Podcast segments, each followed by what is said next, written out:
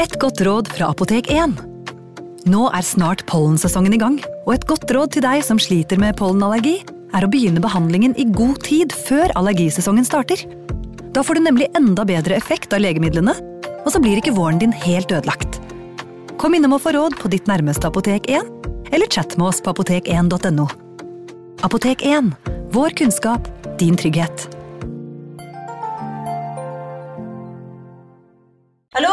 Jeg kommer fra Oslo politikammer. Ine Jansen er purk. Er du purk? The motherfucking bitch. Alt jeg vil, er å finne ut hva som skjedde med mannen min. Jon Carew. Er jeg sikta for noe? Iben Akeli. Det er du. Ole So, Lars Berrum og Big Daddy Karsten. Hvem sin side er du på, egentlig? Anette Hoff, Tone Danielsen, Kommer du fra Afrika? Jørnis Josef, Nesten. Kløfta. Trond Espen Seim, Det er synd å si det, men det var feil mann som døde. Purk. Premiere tirsdag på TV2 Play. Advarsel. I denne podkasten vil du høre historier basert på informasjon programlederne har funnet selv. Programlederne står ikke nødvendigvis inne for meninger og syn som fremstilles. Noen påstander kan avvike fra virkeligheten.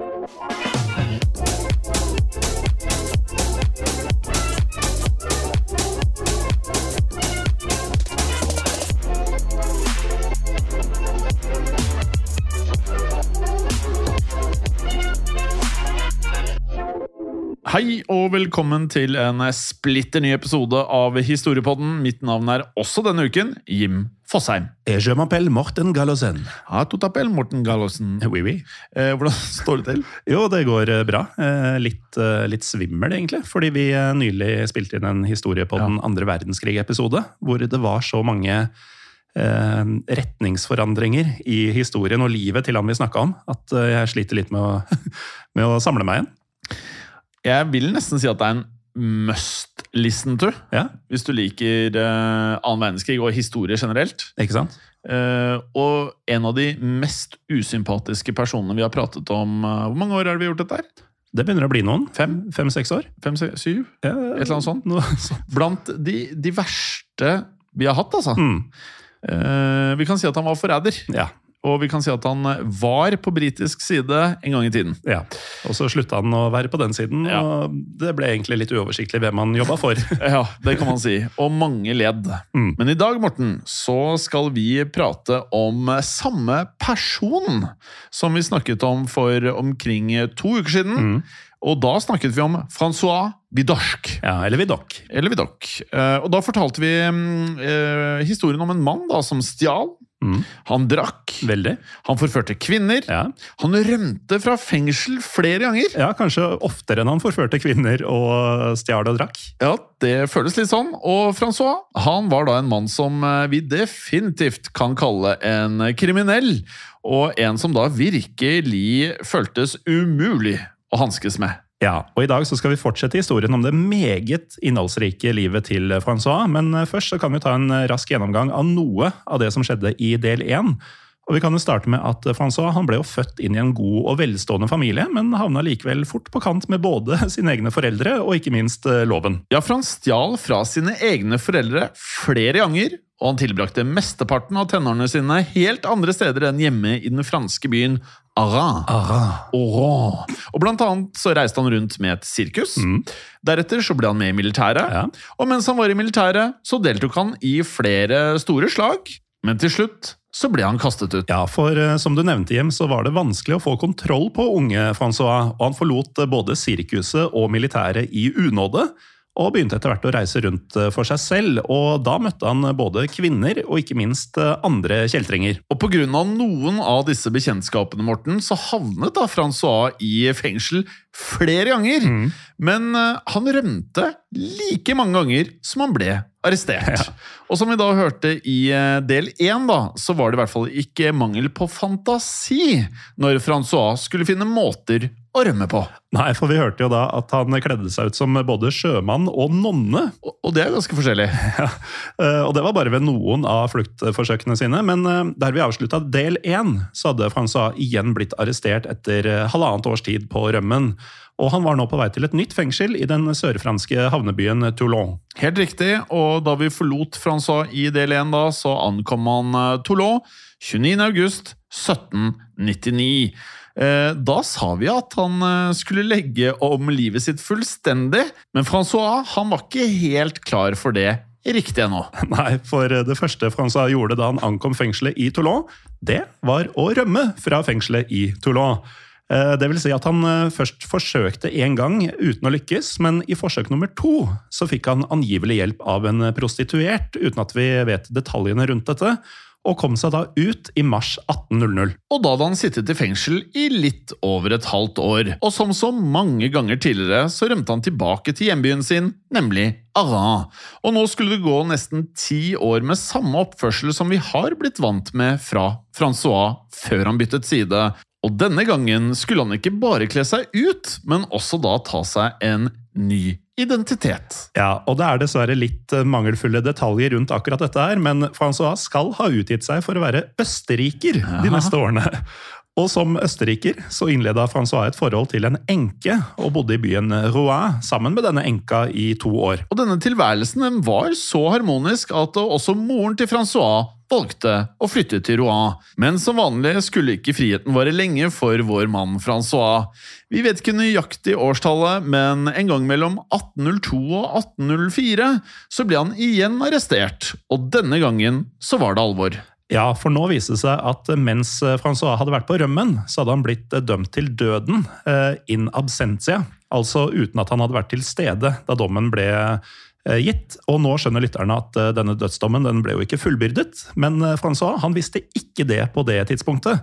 Så det første han gjorde, det var å anke dommen. Ja, og mens eh, han da ventet på at saken hans eh, da skulle komme opp på nytt, så satt han eh, fem måneder i fengsel, og mens tiden gikk, så ble Francois stadig mer sikker på at det ikke kom til å hjelpe han med en ny rettssak. Så Francois bestemte seg derfor nok en gang for å gjøre det han kunne aller best. Ja, Og det var jo å rømme fra fengsel. Så nå er vi kommet til den 28. november 1805, og den nå 30 år gamle Francois han skulle nå rømme for siste gang. Og denne gangen gjorde han det uten hjelp fra noen. For han fant da et tidspunkt da vakten ikke fulgte med, og med det så hoppet Francois ut av et vindu i fengselet og ned i elven som da rant forbi. Og denne elven, det var Skerp, som da renner gjennom flere byer, blant annet gjennom Arras. Og nå skulle Francois tilbringe de neste fire årene på rømmen. Han skulle det, men det var i løpet av disse fire årene at Francois for første gang vurderte å gjøre store endringer i livet sitt. Og en utløsende årsak til at han begynte å tenke sånn, det var en spesifikk hendelse i Paris. Ja, for i Paris så ble Francois vitne til en offentlig henrettelse. Og den som ble henrettet, det var en tidligere venn av Francois, nemlig Cæsar Herbaut. Og angivelig så satte dette i gang en tankeprosess hos Francois, der han forsto at dersom han fortsatte å leve akkurat slik han hadde gjort, så ville også han kanskje da ende opp som Herbaud. Men det å legge om livet det er jo lettere sagt enn gjort. Så i årene som fulgte, så flytta Francois fra by til by for å ikke bli arrestert. Men hver gang han kom til et nytt sted, så ble han gjenkjent av noen fra fortida si og måtte reise videre. Og det var nettopp et møte med gamle kjente som skulle bli vendepunktet for Francois. For i Paris så hadde han da begynt å samarbeide med noen gamle bekjente, og denne gangen så var rollen til Francois å hjelpe disse med å selge tyvgods. Og den 1. juli 1809, kun uker før bursdagen sin, så ble Francois Bidoc nok en gang arrestert. Ja, og nå forsto Francois at han måtte gjøre noe drastisk for å bryte dette mønsteret. Og løsninga den ble å tilby sine tjenester til politiet. For Francois han ble nemlig nå informant for politiet i Paris mens han satt i Bicetre-fengselet. Ja, Som for øvrig var et eh, fengsel som han kjente fra et eh, tidligere opphold. Men høsten 1809 så ble Francois plassert i Bicetre, da hovedsakelig for å spionere på medfanger, før han senere ble flyttet til et helt annet fengsel for å gjøre akkurat det samme. Ja, og Dette andre fengselet det heter La Force, og i både Bicetre og La Force så avslørte Francois både hemmelige identiteter og uløste forbrytelser. Og Informasjonen han fikk tak i, den kom helt fram til politisjefen i Paris, som het Jean Henry. Og Henri ble så imponert av resultatene til Francois at han da bestemt seg for å slippe ham fri. Ja, på en måte, for helt fri var ikke Francois. Nei, for etter 21 måneder i fengsel så ble Francois da løslatt, men han skulle nå fortsette å jobbe for Henri i gatene i Paris. Ja, og For at det hele ikke skulle vekke mistanke hos andre kriminelle, så ble denne løslatelsen gjort på en måte som fikk det til å virke som en flukt. Og ettersom Francois hadde rømt fra fengsel så mange ganger tidligere, så var det ingen som tvilte på at han hadde klart det igjen. Nå er vi kommet til år 1811, Morten. Mm. Og Francois han skulle virkelig ta denne rollen som informant på alvor. Mm. For nå gikk han så dypt inn i rollen at han da selv deltok i forbrytelsene, Mm. før han da kort tid etterpå var en viktig del av å da oppklare de samme forbrytelsene. Ja, og Resultatene til Francois de talte for seg selv, så nå bestemte politiet i Paris seg for å gi han mer ansvar og større ressurser. For mot slutten av 1811 så hadde Francois allerede ansatt en rekke mennesker som hjalp han med å utføre stadig større dekkoperasjoner. Og i 1812 så skulle dette gjøres eh, offisielt. Og som lytterne helt sikkert har fått med seg, så har vi da kalt disse episodene her verdens første privatetterforsker. Og da er det kanskje greit da å nevne at hjelperne til Francois de gikk i helt vanlige klær og forskjellige typer forkledninger, akkurat som Francois selv. Og det er her vi da ser konturene, Morten, av nettopp denne typen for etterforskning. Ja, og det skal bli enda tydeligere litt senere, men eh, en annen ting som er verdt å nevne, det er den historiske epoken som vi er i nå. For eh, i del én så gjorde vi et poeng ut av at Francois utførte denne militærtjenesten sin under den franske revolusjonen. Og nå har det jo gått en del år siden revolusjonen, men det betyr at vi er inne i en eh, nesten enda mer spesiell del av fransk historie, Jim. Ja, for eh, det er greit å nevne da at vi er i 1812, og det betyr at lederen av eh, Frankrike på denne tiden da ikke var noen andre enn keiser Napoleon Bonaparte. Så Francois Vidocq han hadde jo et liv som gikk parallelt med mange av de aller viktigste æraene i moderne fransk historie. Ja, og Det er jo fascinerende i seg selv at den levde gjennom alt dette her, men eh, tilbake til da Francois og formaliseringa av denne etterforskningsgruppa hans. For i 1812 så fikk gruppa et navn og ble formelt underlagt politiet i Paris. Og navnet på gruppa det var Brigade de la Sûreté, som på engelsk blir Security Brigade. Og som på norsk blir noe sånn som Sikkerhetsbrigaden, og det kan jeg like. Jeg liker det, og det er jo ironisk at eh, en fyr som eh, har skapt så mye ugagn, nå leder noe som heter Sikkerhetsbrigaden. Det er det. Og som du sier, så ble denne brigaden nå offisielt en del av det parisiske politiet, Morten. Og Francois han ble ansatt da som leder av denne sikkerhetsbrigaden. Ja, og da passer det å minne om at det har bare gått tre år siden han ble arrestert og begynte å spionere på medfanger i fengselet. Og du får litt assosiasjoner til Leonardo DiCaprio i Catch Me If You Can. Ja, man gjør kanskje det. Ja, for Leonardo han eh, var jo da flink til å forfalske sjekker, signaturer og det som var, for å da lure til seg penger og få utbetalt penger av banken, som selvfølgelig da ikke var hans, men som var da Pan Am, altså dette flyselskapet sine penger. Og med det så måtte da Tom Hanks, som da er etterforskeren, til slutt innse at eh, Leo var best på dette her, og med det så ansatte han Leo til å da kunne hjelpe han med å fange fremtidige tyver. Ja, og det er jo ikke bare en film, det er jo en eh, sann historie som vi har lagd en episode på tidligere, Jim. Ja, det Den heter riktig. 'Hvordan fange Frank Abagnale', Ja, helt riktig. og kom ut eh, i 2020. Begynner Ja. å bli en stund siden. Ja, så eh, Filmen og episoden det er noen ting som ikke er helt likt, men mange likheter, faktisk. Men eh, tilbake til eh, Francois. Han hadde jo kommet veldig langt på kort tid her, men det skulle gå enda kortere tid før han kom enda lenger. Ja, Som vi nevnte i sted, så var Napoleon keiser på denne tiden, og allerede året etter at eh, La Sorreté ble etablert, så signerte da Napoleon et dokument. Og dette dokumentet det gjorde at brigaden til Francois ikke bare var å anse som en lokal del av politiet i Paris, nå ble brigaden nasjonalisert. Ja, og med det så mener vi at Brigade de la Sûreté ble omgjort til et nasjonalt statlig sikkerhetspoliti.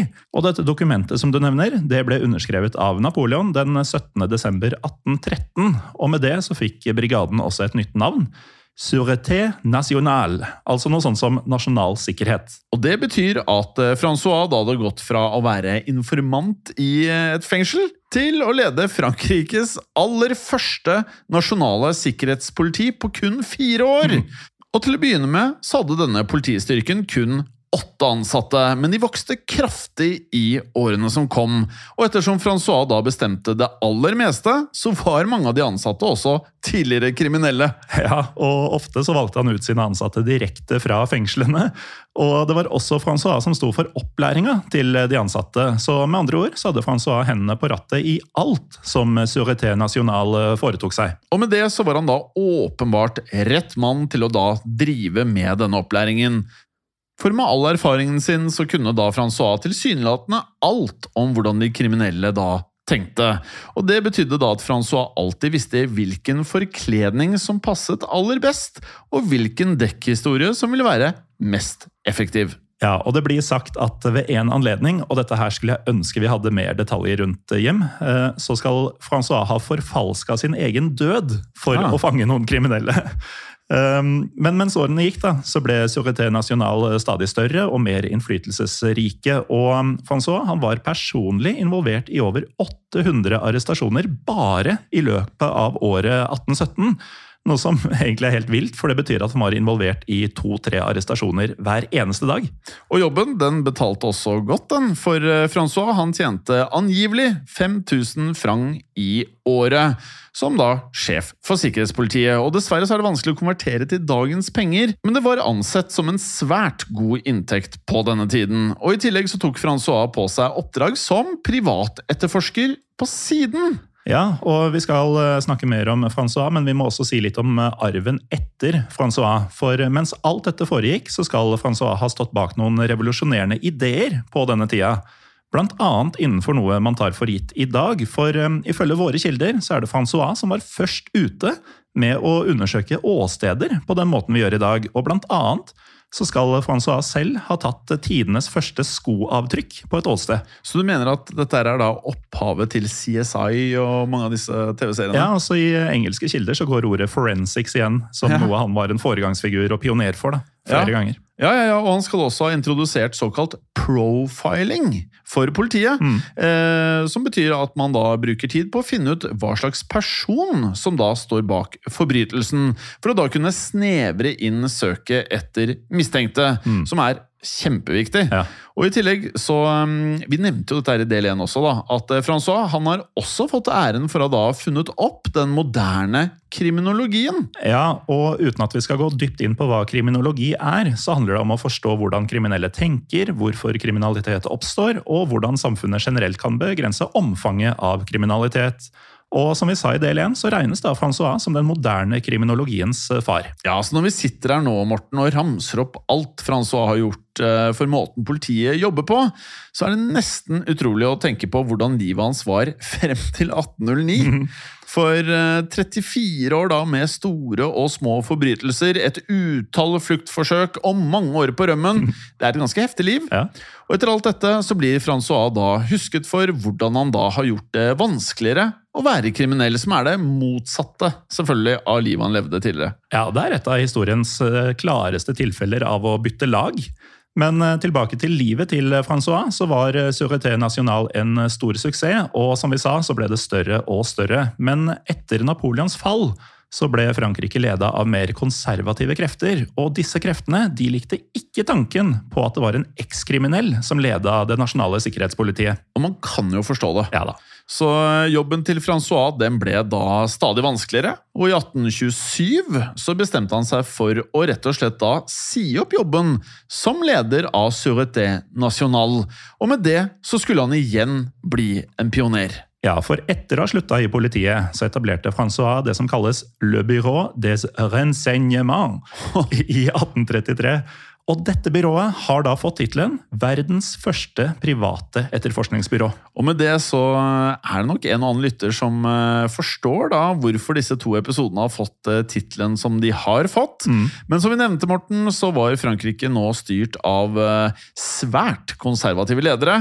Og ettersom da fransk politi aldri hadde jobbet med private etterforskere tidligere, så oppsto det mange konflikter mellom Francois og politiet. Ja, Det skulle vise seg å være vanskelig for Francois og hans ansatte å nærmest konkurrere med det ekte og virkelige politiet, og han ble arrestert flere ganger.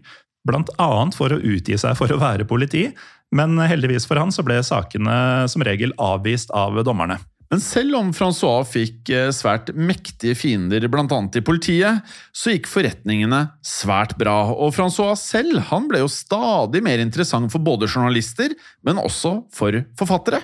Og blant annet så skal den kjente forfatteren da Honoré de Balzac ha skrevet flere romaner basert på Francois fra denne tiden. Ja, og jeg skal innrømme at jeg har ikke lest mye Balzac eh, selv, Nei. men eh, han er en av de store fra Frankrike, spesielt eh, for 200 år siden. Jeg må innrømme at jeg ikke hadde hørt om han før denne episoden, men eh, jeg tipper vi har jo beleste lyttere her som helt sikkert har hørt om han. Men Arthur Conan Doyle, han har du hørt om. Ja, han har jeg hørt om faktisk. For senere så skal Francois angivelig ha vært inspirasjonen til nettopp Doyle, da Doyle skrev bøkene om Sherlock Holmes. Ja, og det er vel en av hovedgrunnene til at vi valgte nettopp dette temaet. Ja, og det kom eh, som et innspill fra lytterne her, eh, som sa at dette er eh, visstnok inspirasjonen til Sherlock Holmes.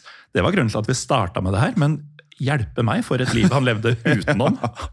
og når vi er inne på livet til eh, Francois, så var det blitt eh, hektisk nå. For eh, han begynte å dra på årene, og selv om forretningene som du sier gikk bra, så nevnte du også at han hadde mektige fiender. Og både politiet og flere politikere de begynte nå å få nok av Francois. De gjorde det, og eh, Francois han ble på nytt arrestert. han, Da var vi kommet til 1842, og det skulle dessverre for Francois bli begynnelsen på slutten. Han var nå blitt 67 år gammel og skulle sitte i fengsel i mange måneder før rettssaken kom opp. Og denne gangen så valgte Francois å ikke rømme. Ja. Litt overraskende. Ja, men eh, som du sier, han var 67 år. Um, Men da saken omsider kom opp året etter, eh, da vi kommet til 1843, så ble Francois dømt til fem års fengsel for en rekke forseelser. Og disse forseelsene innebar bl.a. kidnapping, av alle ting. Jeg tenker Fem år når kidnapping er en av flere ting, det høres jo ikke så mye ut. Nei, det gjør jo ikke det. Eh, Men Francois han anka dommen, og han vant, eh, sånn at han den 22. juli 1843 igjen slapp fri. Og da hadde han sittet i varetekt i elleve måneder. Ja, og denne saken hadde selvfølgelig kostet både tid, penger og krefter for eh, Francois, og i tillegg så hadde ryktet til både Francois selv, men også byrået hans blitt ødelagt gjennom denne prosessen. Og han trakk seg derfor stadig mer tilbake, og brukte tiden til å skrive fagbøker og også artikler. Ja, Så livet hans eh, begynner å bli ganske mye kjedeligere enn det hadde vært. Ja. Eh, Og det skulle gå gradvis nedover for Francois de neste årene. Han eh, tapte mye penger på investeringer som ikke gikk helt veien, og fikk stadig større problemer med høyrearmen sin, som eh, det viste seg at han hadde knekt noen år tidligere uten å få skikkelig behandling. Ja, og jeg tenker nå er han jo såpass godt opp i årene at eh, det skulle bare mangle at ikke livet liksom trapper noe ned, da. Men eh, videre her, i august 1854 så skal han ha blitt eh, diagnostisert med kolera. Men utrolig nok så overlevde han dette også. Ja. Men i april 1857 så var han blitt 81 år gammel. Så var han i så dårlig forfatning at han ikke lenger klarte å stå oppreist. Nei, og bare noen uker etter det, den 11. mai 1857, så døde Eugène Francois Vidocq i hjemmet sitt i Paris, med en prest, en lege og en advokat rundt seg. Men selv om Francois døde, så har han jo levd videre gjennom både fag og fiksjon, Jim. Ja, han har det, for eh, som vi har sagt, da, så eh, har Francois da vært hovedinspirasjonen til flere karakterer i både bøker og teaterstykker. Vi nevnte jo Sherlock Holmes, som kanskje er den mest kjente, men eh, Francois han skal også ha vært inspirasjonen til Victor Hugo da han skrev Le Miserable. Ja, og den er ganske legendarisk. Ja, det jeg så filmen for første gang, altså den med Russell Crowe her for bare noen måneder siden. Ja. Jeg begynte nesten å gråte. Yes. Har du sett den? Faktisk ikke. Nei, man må ha litt hardhaus for å gå gjennom den uten uh, noen følelser, altså. Ja, det, det, det betyr jo De miserable. Ja, det gjør jo det, Mm. så det er ikke, det er ikke hyggelig. Og i det stykket så skal Hugo nemlig ha brukt eh, Francois som modell for ikke bare én, men hele to karakterer. Ja, eh, for de som har sett Les Miserables, og det inkluderer jo deg, Jim, så kan jeg avsløre at disse to karakterene det er Javert og Jean Valjean. Men eh, det stopper ikke med det, for på Netflix så kan man eh, for tida se en skrekkserie som heter The Fall of the House of Usher. Den har jeg også sett. Har du sett den? Den har jeg sett. Ja, den, eh, den, den er ganske ok. Ja, Ikke sånn kjempeskummel, men Nei. veldig interessant og ja, Annerledes. Ja, annerledes. Ja. Ja, og den er basert på flere noveller av Edgar Allan Poe. Og i den serien så finner vi en etterforsker ved navn Auguste Dupin. Og Dupin skal også ha vært basert på Francois Vidoche. Ja, eller Vidoc, som vi har sagt eh, i, for det meste tidligere i de to episodene her. Ja, eller Vidoche. Ja. Men eh, flere av verdens største og mest kjente forfattere har altså latt seg inspirere av livet til Francois, og i tillegg så har han altså blitt omtalt som den første innenfor både kriminologi åstedsundersøkelser og diverse former for etterforskningsteknikker. Eh, Rett og slett en enormt viktig mann for verdenshistorien, som eh, jeg må innrømme at jeg aldri hadde hørt om før vi fikk dette tipset fra en av lytterne. Det her er jo noe av det som gjør podkastene utrolig interessante å jobbe med. Og kanskje spesielt etter vi begynte å få eh, alle disse gode forslagene fra dere lyttere. Ja, og bare for å understreke viktigheten av Francois Vidocq eh, sitt arbeid, så er det sånn at eh, i dag så har arbeidet hans eh, innvirkning på f.eks. Scotland Yard og FBI. Eh, Ikke akkurat noen smågutter innenfor eh, etterforskning eh, hjem. Kanskje de to store. Kanskje de to store, ja. og det er bare noen av dem. Så som sagt, vi hadde ikke lagd disse her uten tips fra lytterne. Så hvis du hører på og har tips til andre ting vi burde lage episoder om, så send dem gjerne til oss i Facebook-gruppa vår helst, som heter Historie for alle. Eller på Instagram og Facebook, der vi heter Historiepodden Norge. Uansett, Jim, dette her har skjedd. Og det kan skje igjen. Ha det! Ha det bra! Historiepodden ønsker å takke følgende. Dere som hjelper oss som sitter i produksjonen.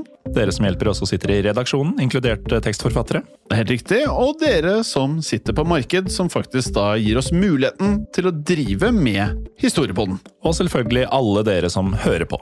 Tusen takk. Moderne media. Har du et enkeltpersonforetak eller en liten bedrift? Da er du sikkert lei av å høre meg snakke om hvor enkelt det er med kvitteringer og bilag i fiken, så vi eh, gir oss her, vi. Fordi vi liker enkelt. Fiken superenkelt regnskap. Hei, og takk for at du lytter til Historiepodden. Skulle du ønske at du kunne høre en ny episode av Historiepodden hver eneste uke? Vel, da er det én ting å gjøre. Da kan du laste ned podkastappen Untold med det samme. For i tillegg til ukentlige episoder av podkaster som Historiepodden andre verdenskrig, Henrettelsespodden og også Gangsterpodden, så får du masse annet reklamefritt og også eksklusivt innhold. Last ned Untold i AppStore eller Google Play og start din 30 dagers gratis prøveperiode allerede i dag.